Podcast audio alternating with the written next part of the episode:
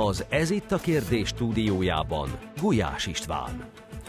A progresszív liberális fősodor legutóbb a püspöki színódus kapcsán komoly elvárásokat fogalmaz meg a keresztény tanításokkal szemben, mert szerintük az egyháznak haladnia kell a korral, azaz liberalizálódnia kell.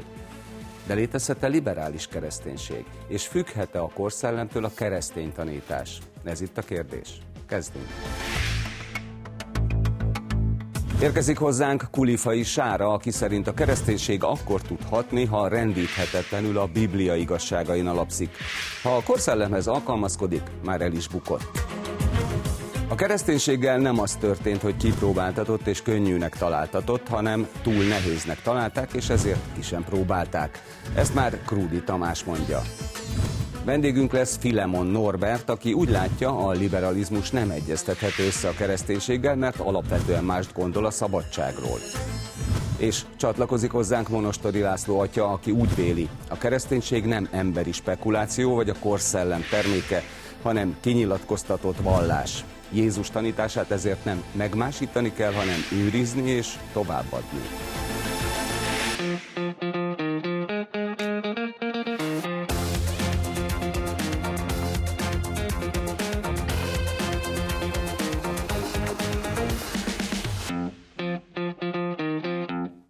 Jó estét kívánok, üdvözlöm a nézőket, és köszöntöm stúdiónk vendégeit. Szervusztok, köszönöm, hogy eljöttetek.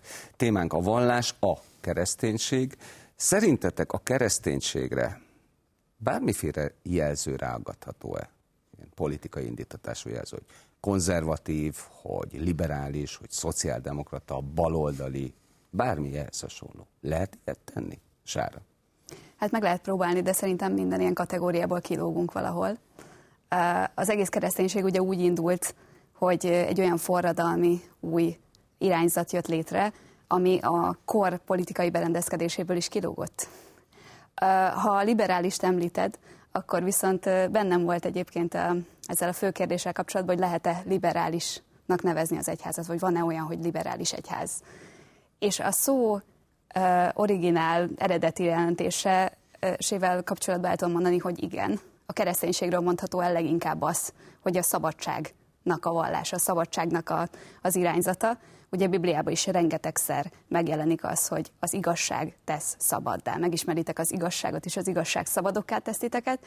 Igazából szerintem a legnagyobb szabadság az a kereszténységen belül található meg, és nem egy olyan irányzaton belül, ami azt hirdeti, hogy csak akkor vagy szabad, ha mindenfajta késztetésednek, vágyadnak és érzésednek azonnal utat adsz, és nem korlátozod magad.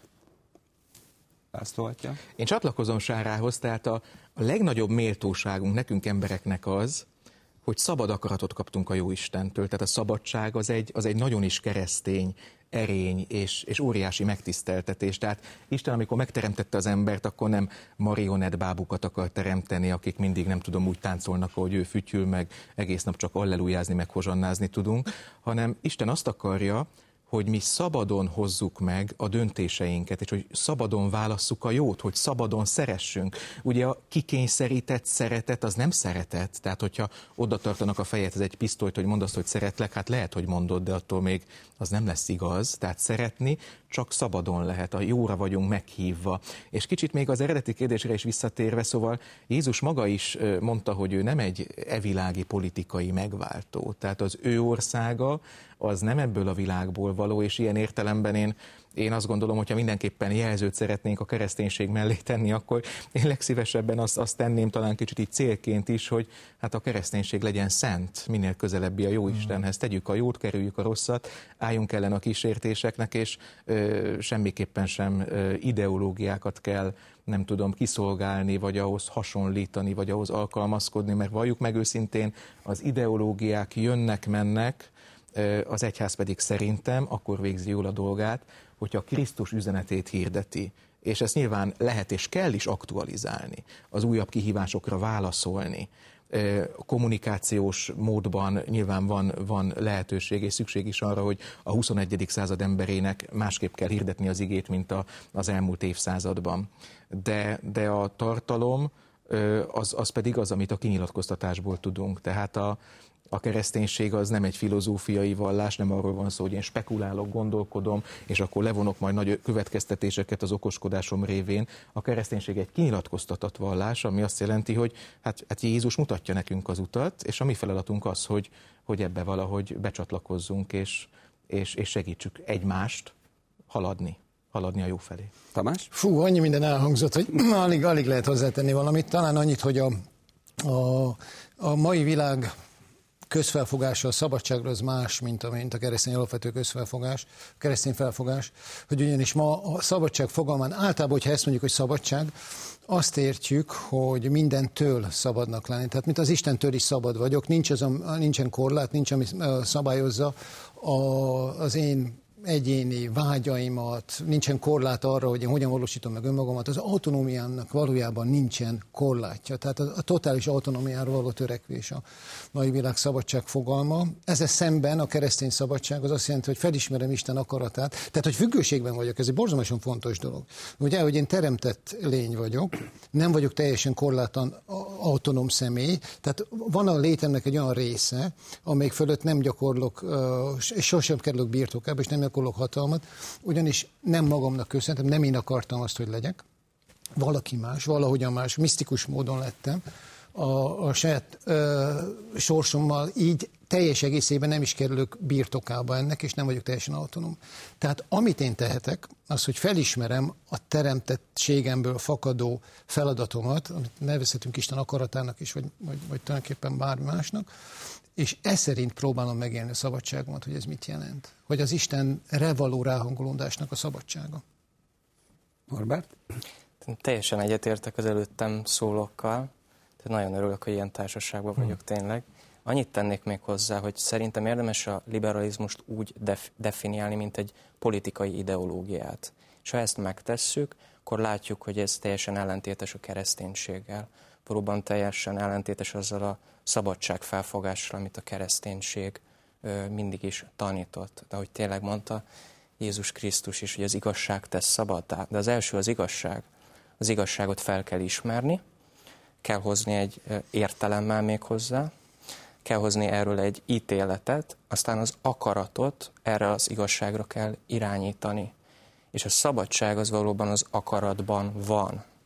És hogyha a szabadságunk vagy az akaratunk tárgya nem jóra irányul, akkor ez egy hamis szabadság. Azt is lehetne mondani, hogy ez a luciferi szabadság, aki azt mondta, hogy nem szolgálok, Nekünk pedig azt kell tennünk, hogy felismerjük tényleg, hogy mi Isten akarata, és arra irányítjuk az akaratunkat. Ez rendben van, de most a, a világ progresszív megváltói, akkor kitől várják el egyébként azt a fajta liberalizálódást, amiről beszélnek, ugye itt a püspöki színódus kapcsán is fölmerült, hogy itt az ideje, az egyháznak haladni a korral, és liberalizálódnia kell, de, de nem csupán az egyházzal, amely tulajdonképpen azért mégiscsak egy struktúra, egy szervezet. Ezzel kapcsolatban fogalmazza meg ezt az elvárást, hanem, hanem a keresztény tanításokkal szemben is megfogalmazza az elvárást, ami viszont már az egyház belügyeibe való beavatkozás. Nekem a kedvenc példám a cölibátus. Tehát tény és igaz... Ebben vita van között. Jó, majd erről beszélgetünk, de hogy, de hogy tény és igaz, hogy, hogy, hogy a papi cölibátus a katolikus egyházban ez nem egy megváltoztathatatlan dogma. Tehát ez, ez, ez nem, egy, nem egy olyan dolog, ez, ez volt már másképp, lehet, hogy lesz is még másképp, nem tudjuk, de ez nem egy dogmatikai vagy erkölcsi alaptétel, ez egy egyházfegyelmi, egyházjogi dolog, amit később akár meg is változtathat majd a pápa. Nem tudjuk, hogy megfogja. Én nagyon örülök, hogy nem nekem kell ebben döntenem, mert ez egy nagyon komplex dolog, és én nem vagyok ebben elég, úgy gondolom, hogy nem látom át ennek minden következményét, de ez megváltoztatható, akár. Ugyanakkor kinek van igazán problémája a cölibátussal? mert néha hallani ilyen hangokat is, hogy hát végre most már meg kell változtatni, ne legyen cölibátus, de általában ezt olyan személyek mondják, akik maguk nem élnek cölibátusban, vagy esetleg nem is járnak templomba, vagy esetleg nem is katolikus. Tehát tényleg ez ilyen pálya széléről történő bekiabálásnak hat, hat, hatná számomra gyakran. Tehát nem a nem a papok szoktak, nem tudom, ott a nagy táblákkal felvonulni a Szentpéter téren, hogy töröljék el a cölibátust, mert, mert nincsenek ilyen mozgolódások a klérusban tudtommal, legalábbis jelentős számban biztos nem hanem, hanem gyakran olyanok felől, olyanok irányából érkezik erre felhívás, akik úgymond nem, nem, nem részei, akár nem is részei a katolikus egyháznak, vagy, vagy, vagy nem kapcsolódnak szorosan. Úgyhogy, úgyhogy ez érdekes, hogy, hogy ki szeretne, mit szeretne, miért szeretne. Ez bekiabálás a pályaszéléről. De ugyanakkor viszont a, a katolikus egyház nagyon sokszor elmondja, hogy a humán politikájában e, nagyon jó lenne, hogyha, hogyha egyre több e, lelkipásztor jelenne meg. Na most van, aki azért nem választja pont ezt a nagyon fontos hivatást, mert egyéb érzelmi életét nem teheti mellé. Bizonyára van ilyen, ugyanakkor én nem a cölibátus eltörlésében látom a paphiány megoldását. Tehát, hogyha én megnézem akár itt Magyarországon a görög katolikusokat, vagy a reformátusokat, vagy az evangélikusokat, azért a paphiány az nem csak a római katolikus egyházra jellemző. Tehát elképzelhető, hogyha a cölibátus itt sose az eltörléséről beszélünk, hanem igaziból a fakultatívvá, fakultatívvá tétele Igen. az, ami esetleg szóba kerülhet, bár nem, nem, nem úgy tűnik, hogy most Ferenc pápa, tessék? Dél-Amerikában meg is történt ez a Dél-Amerikában nem történt nem meg, történt meg, volt róla szó. Nem történt meg? Csak 2000, az, csak szóban Így van, tehát 2020 elején azért emlékszem mennyire, mert a Covid járvány kitörése előtt volt, Ferenc pápa közzétette a Queridia Amazonia kezdetű, szerintem ez egy színodus utáni apostoli buzdítás volt, amitől sokan azt várták, hogy Dél-Amerikában, Amazóniában különösen is, ahol óriási a paphiány, ott bevezetné a pápa a Viri Provati intézményt, ez azt jelenti, hogy a kipróbált férfiak, tehát akik hivatásukban letettek valamit az asztalra, példamutató családi életet élnek, tanulnak teológiát, hogy ők a nagy papjányra való tekintettel esetleg kéretnék a pappá szentelésüket, de pont ezt nem tette meg Ferenc pápa, tehát végül is ezt a lépést ő nem nem tette meg, és, és ezzel kicsit a, amellett tette le a voksát, hogy nem szeretne. Szóval annyit tennék még ehhez hozzá, hogy a második vatikáni zsinat óta, ugye, és Ferenc pápa ezt nagyon megerősítette egy kicsit így, hogy amit ő klerikalizmusnak nevez, hogy nem csak az egyházi személyekből áll az egyház, hanem mindenkiből. Tehát minden tagja, civilek is, minden, minden hívő tagja az egyháznak, és egyre komolyabban számítanak a hívőknek a, az aktív ö, közreműködésére. Tehát nem pusztán egy passzív, befogadó, esetleg fogyasztói szerep ö, hárul a, a, a hívőkre, hanem hogy aktívan részt vehetnek az egyház életébe, és ugye ez az akkolitus képzésen, meg a diakonus képzésen is megmutat, megmutatkozik. Tehát az a házas férfi ember, aki hivatást érez magá, magában arra, hogy az egyházi rendbe is belépjen, abból lehet az egyházi rend tagja, nem fog teljesen eljutni addig a, pontig, nem fog megkapni azokat a jogosítványokat, amikre egy, egy felszentelt ugye szerpap, vagy bocsánat, áldozópap képes lesz, de hogy majdnem odáig eljuthat. Tehát a, a papság előző, előszobájába érkezhet meg. Tehát, hogyha valaki az egyházi rendet a saját hivatásának érzi, akkor nagyon sokáig el tud jutni benne. Tehát egyfajta reform folyamat elindult az Tulajdonképpen egyház. lehet mondani, igen. De ugyanakkor még mindig az a kérdés, hogy, és amit ugye ne haragudj, hogy közbevetettem, de akik, akik a partvonalon kívülről kiabálnak, mert most itt Igen. viszont az történik, hogy a partvonalon kívülről próbálják megmondani, hogy mit csináljon az egyház. Igen, hát én egy kicsit általánosabban közelítenem meg a kérdést, mert szerintem az egyházzal kapcsolatos liberalizációs nyomásgyakorlásoknak a központjába talán nem a cölibátusnak a kérdése áll, hanem inkább az LMBT vonal és annak az elismerése, mert most, most, most ez talán a legerősebb vonal a, a liberális oldalon, és hát én azt látom, hogy egyébként egyfelől az, hogy, hogy az egyházak és a kereszténység folyamatosan megújuljon, és egyfajta önvizsgálatot tartson, az arra irányuló elvárások azok teljesen jogosak, és egy, szerintem egyébként nekünk is kellene, hogy legyen ilyen elvárásunk velünk magunkkal kapcsolatban. Ugyanis, ha végnézzük a történelmet, akkor rendszeresen torzult az egyház is, és torzult a kereszténység is, amikor például olyan a vezetésben olyan befolyások érték, hogy politikai irányzatokhoz próbált közelíteni, és nem a biblia tanításaihoz, vagy, vagy anyagi szempontok jöttek be, vagy akár kulturális, nem akart konfrontálódni, hanem be akart ágyazódni jobban.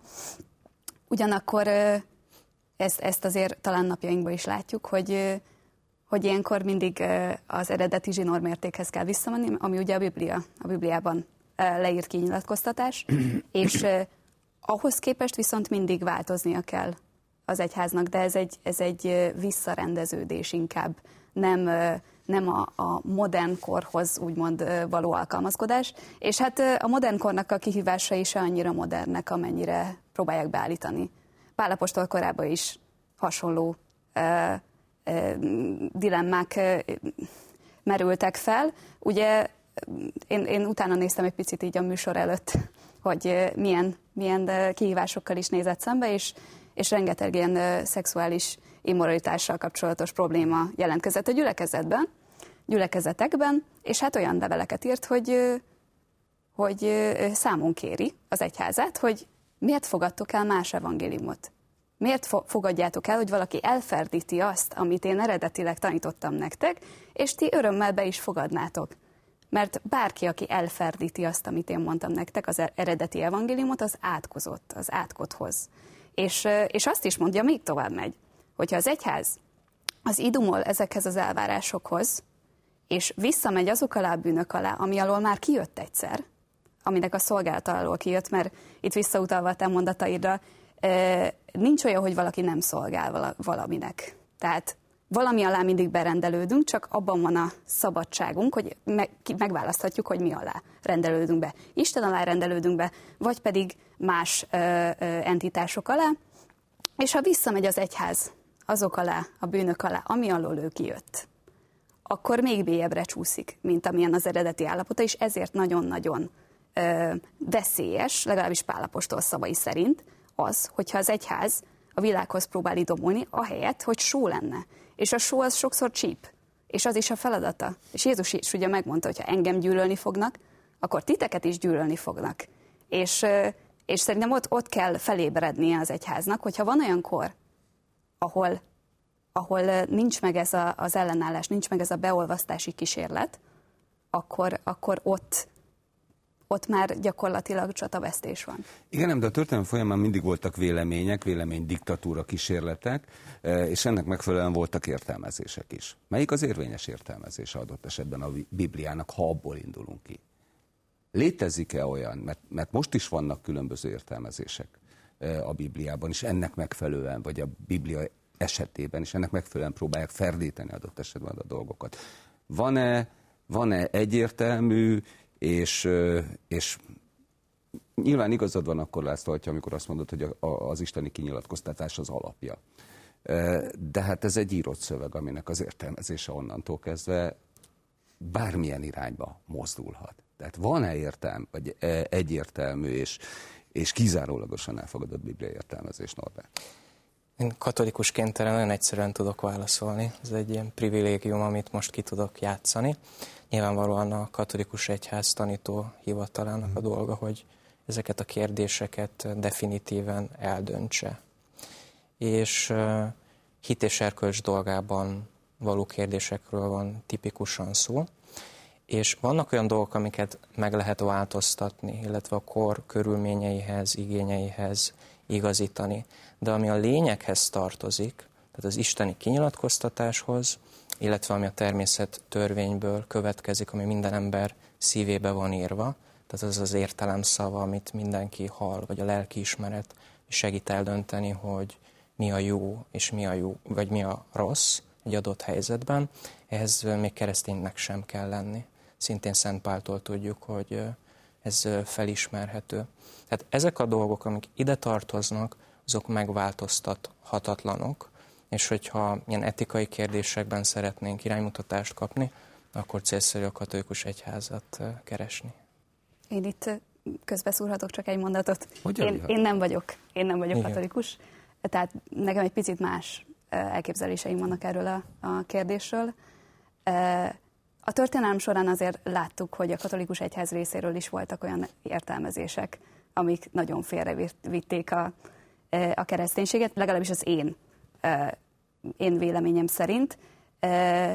Még egyébként nem is hegyezném ki erre az irányzatra, hanem ha megnézzük a református irányzatokat is, ott is voltak eléggé meredek bibliai értelmezések, és, és én abban látom egyébként ennek az egésznek a titkát, hogy egy, egy keresztény emberben benne van Isten szelleme. És Isten szelleme inspirálta a Bibliát. Ha maga az író az, aki nekünk magyarázza a Bibliát, akkor az lesz a legautentikusabb magyarázat. Tehát én abban látom a titkot, hogy hogyha az embernek egy erős személyes kapcsolata van Istennel, és Istennek a szellemével, akkor ha azon keresztül, a szemüvegen keresztül tanulmányozza a Bibliát, akkor Isten neki az ő szellemébe, az ő valójába ki fogja jelenteni, hogy mit, hogyan kell értelmeznie. És, és én úgy tapasztalom, legalábbis a saját életemben, úgyhogy nem vagyok katolikus, hogy, hogy, hogy így is el tudok jutni azoknak az igazságoknak a megismerésére és az alkalmazására, amik, amik megjelennek. Igen, nem, de ehhez erősen spirituális lénynek kell lenni, és az a helyzet, hogy azért a, a modern kor embere meglehetősen felületes ebből a szempontból. Ezzel nem tudok vitatkozni. Én katolikus lévén csatlakozom Norberthez, hogy... hogy Kisebbségben vagy most, mert én is katol... Nem négy, négy, négy katolikus férfi egy Én is nagyon nagy szerencsémnek érzem azt, hogy amit pont amit mondtál, hogy egyszerűen nincs lehetőségem arra, hogy az összes kérdést, tézist, problémát, amivel napközben, vagy az életem során szembesülök, azt én mind végig, végig imádkozom és végig gondoljam. Tehát nagyon sokszor elég az, hogy az ember fellapozza a katekizmust és megnézi, hogy ott hogy mit mondanak róla. Mert egyszerűen nem, nem, nincs lehet, nem vagyok annyira okos, hogy ezt az egészet átlássam és tudjam, és hogy, hogy uh, személyes véleményemet kialakítsam, és szegény protestánsok kicsit nehéz helyzetben vannak ebből a szempontból, mert hogy, ahogy mondtad is, tényleg a, a, a személyes interpretáció az nagyon-nagyon fontos benne, és abban is megmutatkozik, hogy ha jól tudom, valami 30 ezer protestáns felekezet van ma regisztrálva a világon, és ez mind különböző biblia értelmezésen alapul. Tehát, hogy, hogy a, itt van a, a katolikus egyháznak van egy nagy szent officium, ugye a tanítóhivatal, amelyik ugye a, a, a hagyományra is építkezik, ugye nem csak a, ebben különbözik ugye a katolikus egyház, hogy a szent hagyományra is építünk, meg hát a, az egyházatjáknak, az egyház tanítóknak, akik olyan fantasztikus emberek voltak itt a történelm során, hogy igazán föl lehet nézni, és való igaz, hogy rengetegszer, hát 313 ugye a Milánói ediktum, amikor, amikor nem államvallásra teszik, ezt, ezt sokan rosszul tudják, hanem egyszerűen toleranciát hirdetnek meg a,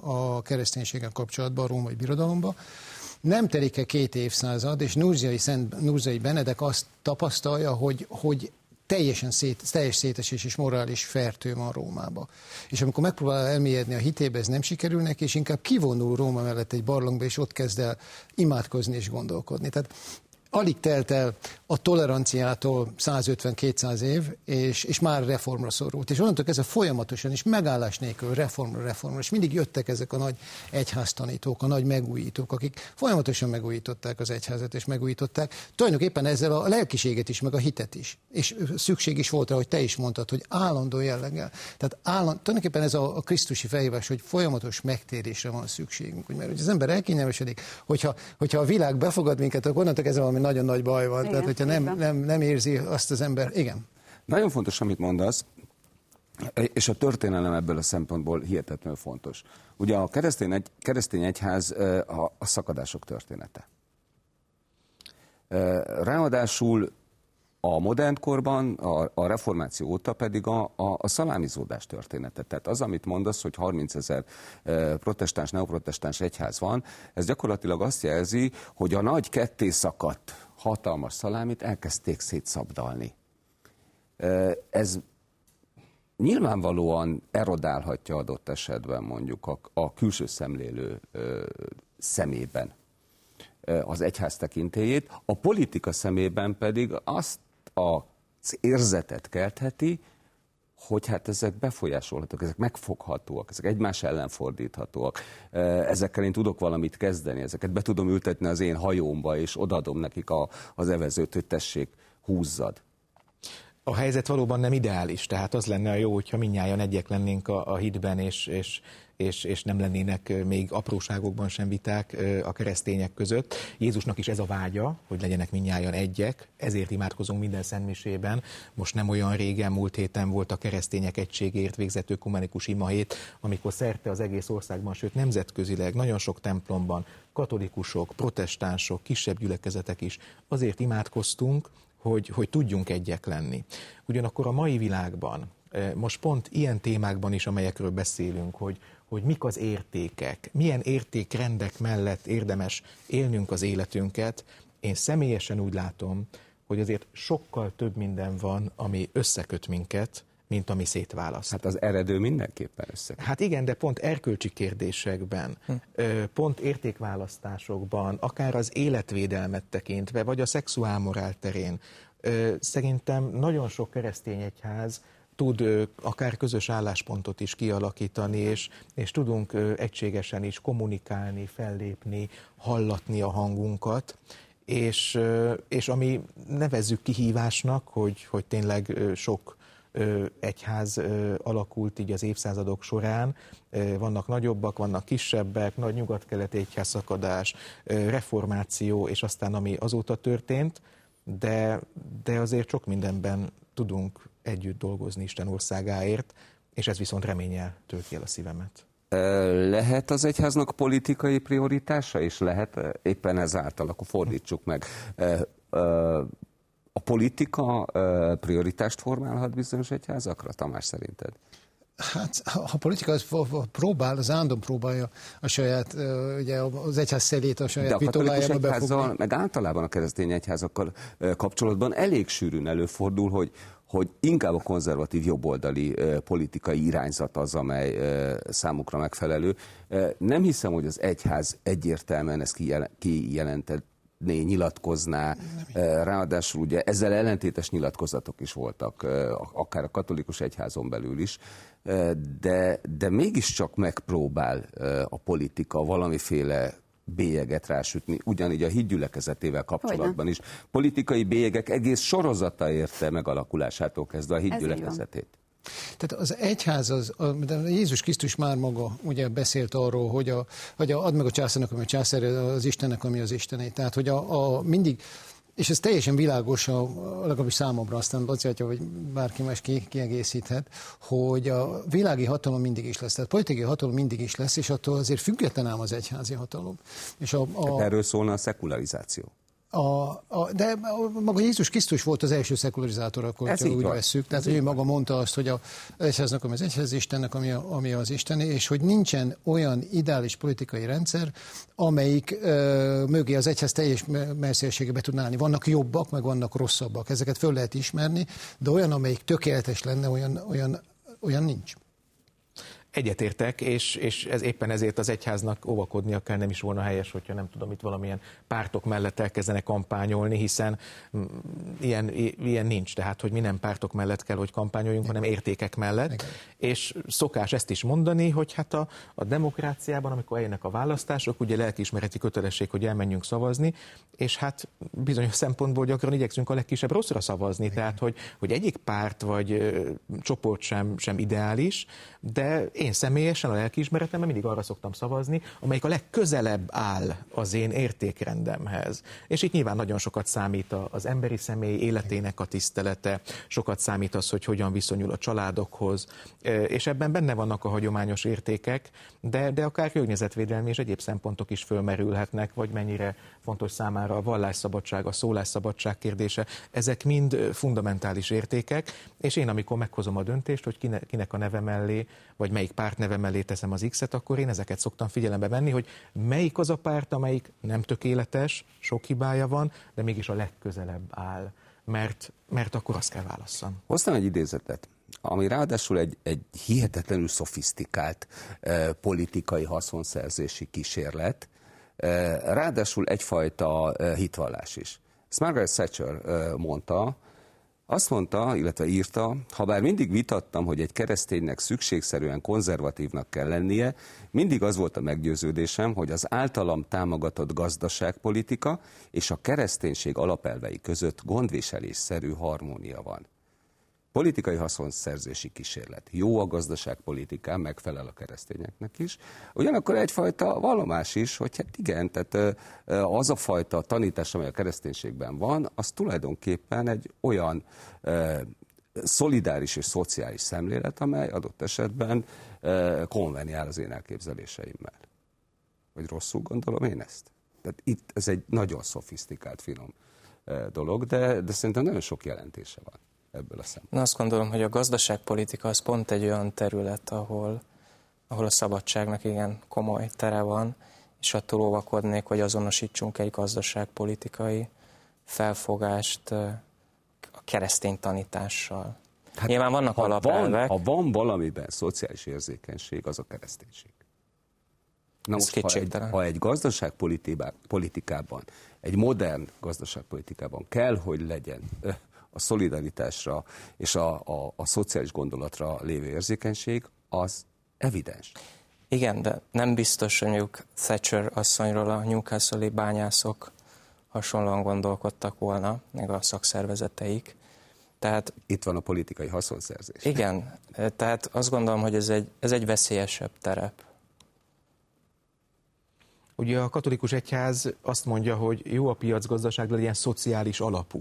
Tehát, hogy ne a, egyszerűen a, a, az adokkapok, a, a nem tudom, a kereslet kínálat szabályozza aztán a, a, a piacot, meg az egész világgazdaságot, hanem, hanem vegyük bele a rendszerbe a szolidaritást és a szubszidiaritást. Tehát ezek olyan alapvető értékek a, a, a katolikus egyház társadalmi tanításában, amelynek a, a, a gazdaság politikában, illetve a gazdaság életben is jelentősége van. Egyébként hadd lépek egy lépést vissza, mert nagyon érdekes, hogy a katolikus egyház soha nem mondta azt, hogy, hogy ő letenné a voksát mondjuk a demokrácia, mint államforma mellett. Ilyet nem mond az egyház. Az egyház ebben is szabadságot ad az államoknak, Nyilván a demokrácia egy aránylag jó dolog, vagy ahogy mondani szokás, jobbat még nem találtunk ki, de, de hogyha nem tudom, valahol egy monarchia van, tehát az egyház nem szokta fölemelni a szavát, hogy akkor ott tessék demokráciát csinálni, hanem, hanem ebben van egy, van egy szabadságuk az embereknek, hogy, hogy alakítsák ki azokat a formákat, akár a politika, akár a gazdaság terén, amelyek megfelelőek.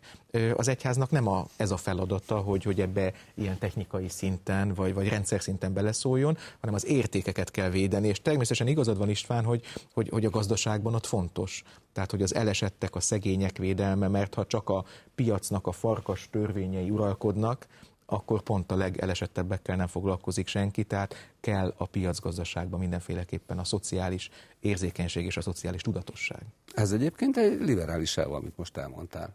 Egy teljesen szabad elvű dolog, hogy minden olyan ö, politikai ö, struktúrát hoz létre magának a, a közösség, Én... amilyet akar, de egy nagyon fontos kérdés fölmerül itt. E, mert ez e, azt is jelenti, hogy a, az egyház azt a nagyon határozott és nagyon fontos a történelm folyamán hihetetlenül adekvát társadalomformáló szerepét, amely hosszú időn keresztül Európának az arculatát meghatározta, azt egy idő után elveszítette. És hogy ez most egy, tudjuk, ezt, meg tudjuk ezt a pontot határozni, kettő, ha ezt meg tudjuk határozni, akkor az utána mi következett az egyház életében? Ez, ez egyenlő adott esetben a, a, a szekularizáció, mondjuk az se egy időpontban volt, a szekularizáció, mint elfölvetődött a felvilágosodásban, és aztán szépen folyamatosan a, a 20. század elejéig valósult meg. Nem vagyok történész, és én óvakodnék attól, hogy itt most egy konkrét évszámot megjelöljek, nem is tudnék, lehet, hogy ez nem is lehet. Tény, hogy azért az egyháznak, hogy mondjam, evilági súlya így fogalmazok, akkor volt talán nagyobb, egyrészt amikor szélesebb társadalmi rétegek voltak vallásgyakorlók, másrészt amikor az uralkodók voltak vallásgyakorlók, tehát amikor egy-egy király például a katolikus egyház tanítása szerint élt, nyilván ennek óriási multiplikátor hatása volt az egész társadalomra. Ma nézzétek, a Vatikánnak nincsen, nem tudom, hadserege, nincsenek nem tudom milyen gazdasági lehetőségei, nem tud úgy beleszólni a politikába. Ma az egyház, és egyébként ez nem biztos, hogy baj, leginkább e, tényleg a, a, a száját tudja kinyitni, és, és szólni tud. És akkor hát akinek füle van, hallja meg. És, és én ebben látom az egyháznak a mai feladatát, hogy úgy formáljuk a társadalmat, vagy úgy próbáljuk meg tényleg Krisztus üzenetét, az örömhírt a mai nyelvre lefordítani, hogy ez ne egyfajta, nem tudom, külső, vagy gazdasági, vagy politikai kényszer legyen, hanem, hanem hogy az emberek szabadon, és itt újra előjön a szabad akarat, mondjanak igent azokra az értékekre, amelyeket az egyház Jézus Krisztus tanítása alapján hirdetni szándékozik. Azt hiszem, hogy, hogy ha, ha már mindenképpen valami a pontot, vagy valami irányzatot, vagy, vagy valami történelmi eseményt kéne megragadni, vagy az eszmetörténeti eseményt, én a modernitáshoz kötném azt, amikor az egyháznak átalakult a szerepe, és hogy a, a, a, amikor megingott az abszolút és, és külső, tehát egy külső létező objektív igazságba vetett hit vagy megingatták, vagy, az egészben, vagy a megkérdőjeleződött, és az egész igazságra való törekvés egy, egy belső törekvésé transformálódott át, tehát a, az objektív külső igazságból egy, egy belső igazságokká, meg igazságocskákká transformálódott át maga az egész gondolkodás, és akkor belépett ugye egy idő után a perspektivizmus, a relativizmus, hogy, hogy a te igazad nem feltétlenül az én igazam, nincs külső, nincs egy olyan külső nagy erő, nincs egy nagy külső objektív igazság, ami amihez nekünk igazodnunk kellene, mindenki a saját maga igazságaihoz igazodik. És innentől kezdve, amikor uralkodóval vált ez a gondolkodás, akkor bármi olyan nagyobb szervezetet, többek közt az egyházakat is, amelyik az abszolút igazság érvényével vagy, vagy állításával lép föl, az arra, arra a, hogy mondjam, furcsán tekintenek, vagy azt mondják, hogy, hogy határátlépést követel. Ortega a tömegek lázadása? Például, igen.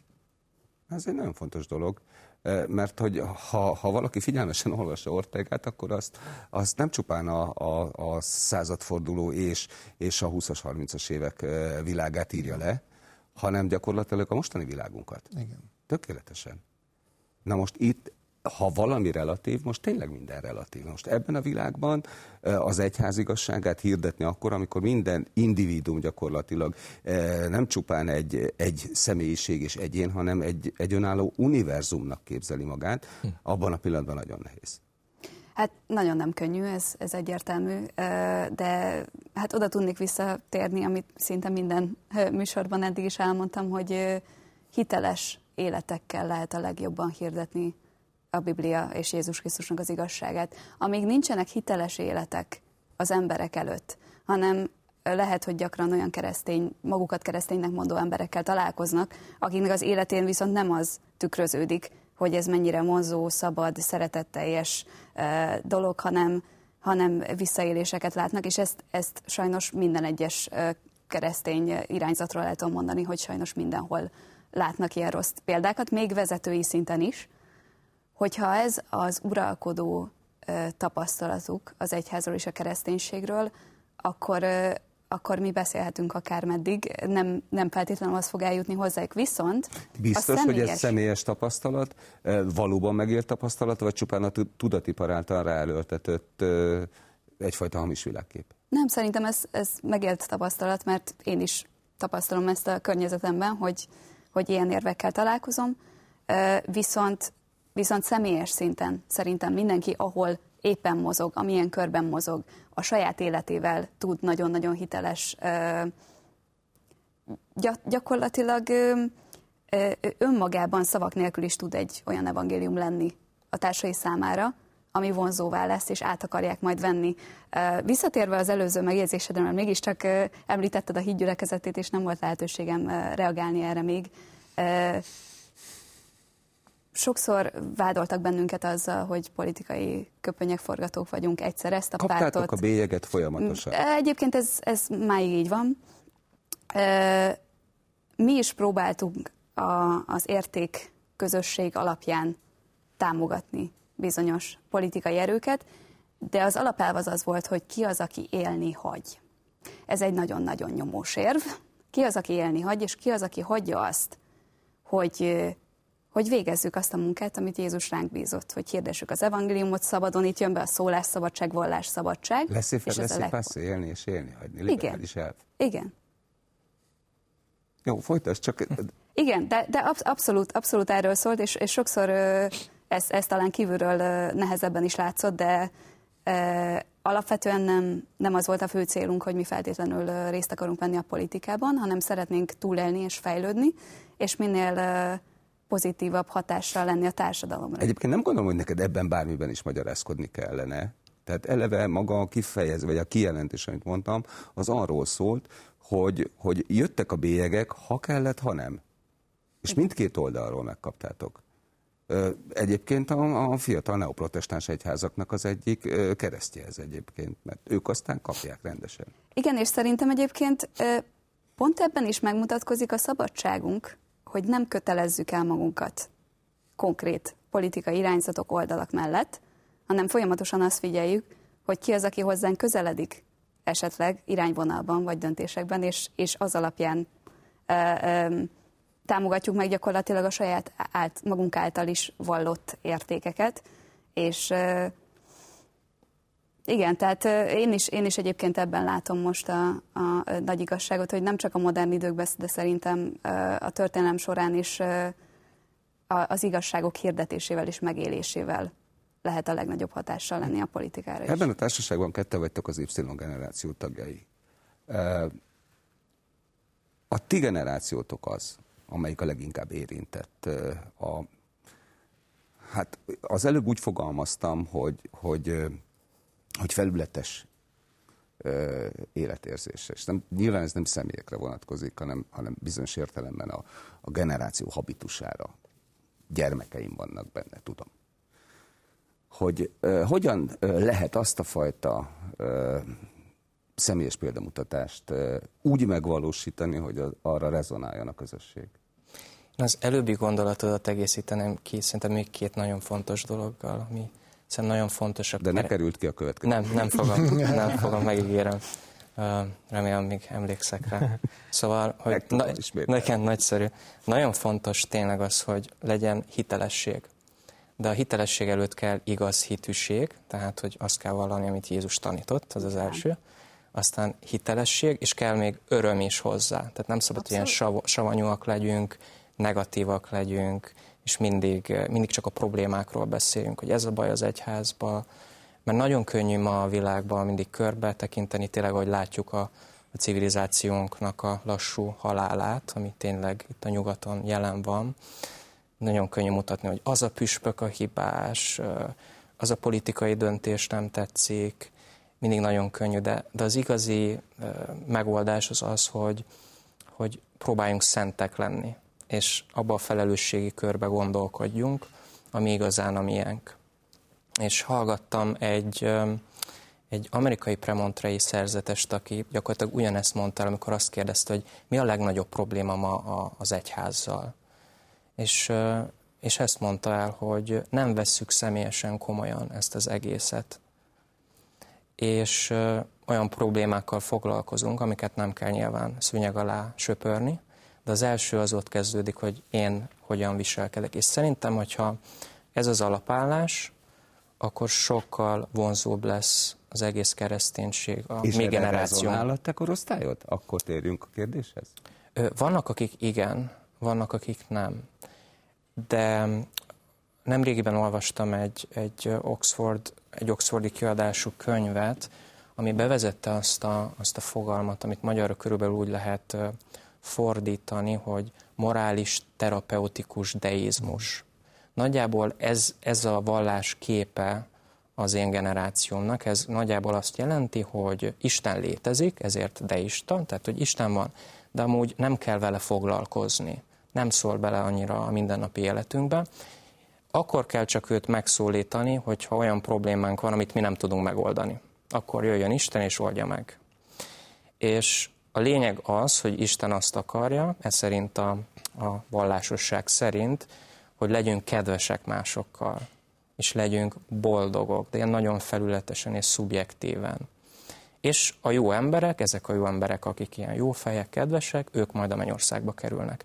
Nagyjából ez az én generációm vallás képe, és ez, ez átível még a kereszténységen túlra. Tehát mondjuk amerikai hindu fiatalok is nagyjából ebben hisznek, illetve még muzulmánok is adott esetben. Tehát ennek az a lényege, hogy egy nagyon átpszichologizált és nagyon egy érzelem vezérelt időszakot élünk. Úgyhogy ehhez kell alkalmazkodnunk. Nem biztos, hogy az igazságokat kell rögtön a, a fejükhöz vágni, vagy a fejünkhöz vágni, de, de nem, nem lehet engedni alapvetően az igazságokból. Én hozzászólhatok, mint akkor ugyanennek Hogy a ne? generációnak a képviselője.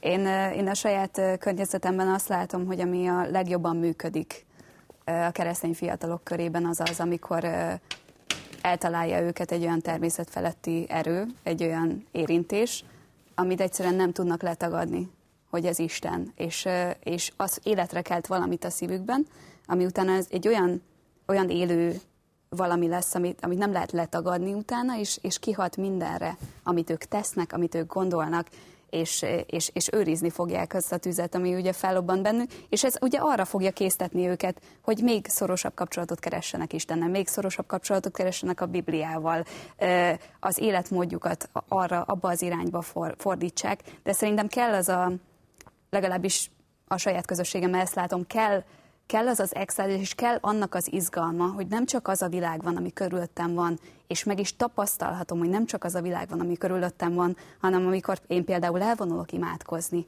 akkor, akkor leszáll a menny, és ez egy, ez egy teljesen valóságos dolog, amit érzékeltek, ami feltölt, és amiből én utána tudom élni az életem, amiből tudok táplálkozni, és, és gyakorlatilag olyan, mint egy, mint egy lámpás, amit, amit meggyújtanak, és attól kezdve fénylik.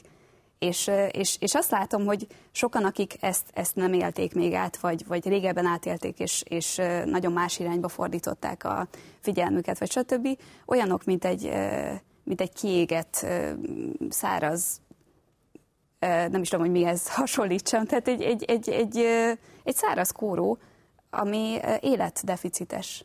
Összezavarodott?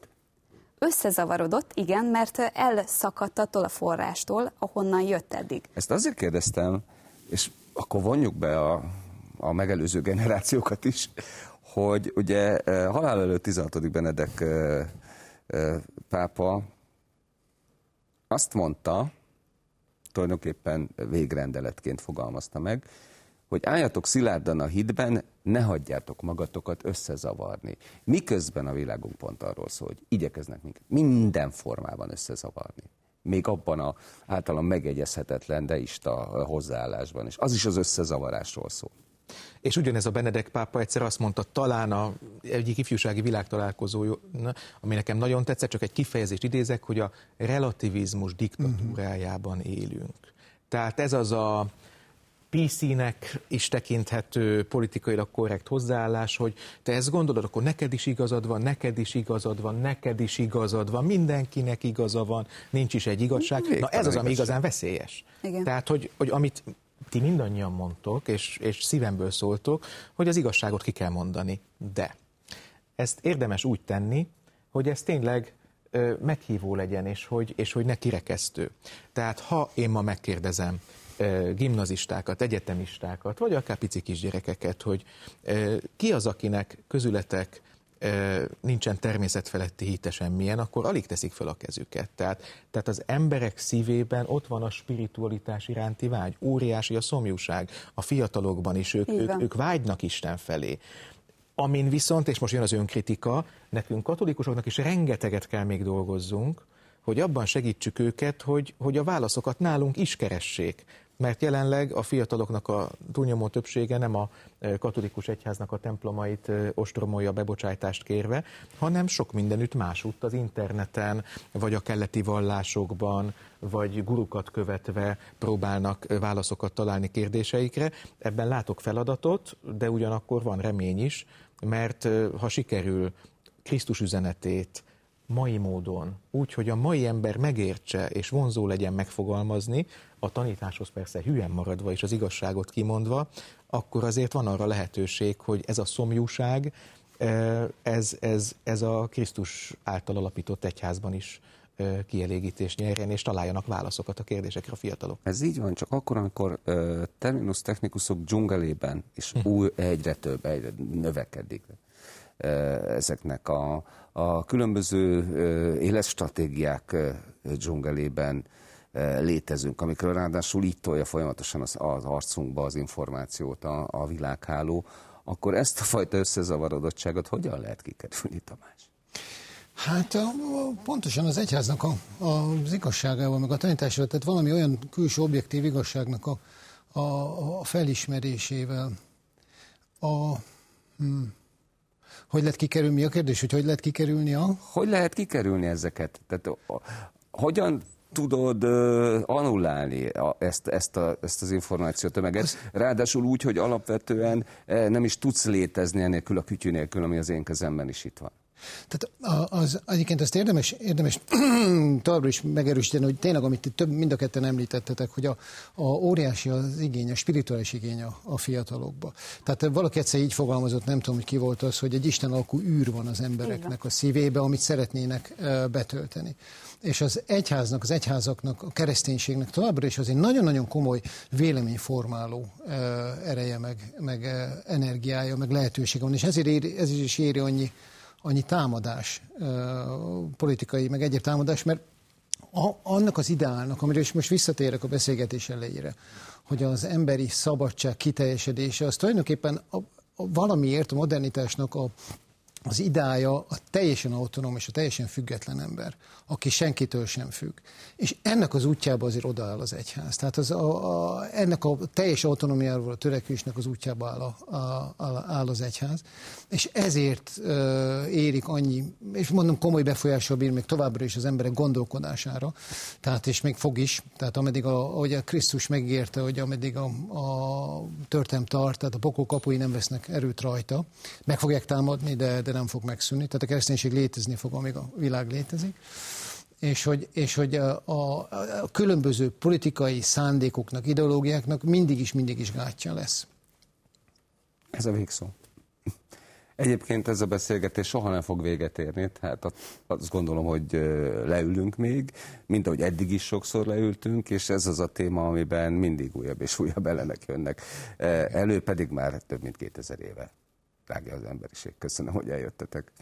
Önök pedig az Ez itt a kérdést látták, műsorunkat újra megnézhetik a mediaclick.hu-n és a Youtube-on is meghallgathatják a Spotify-on. Elveszett mesterművek nyomában, nyomába eredünk a holnapi Ez itt a kérdésben.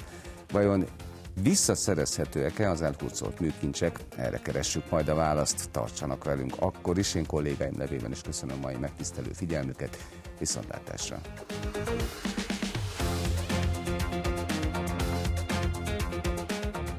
Música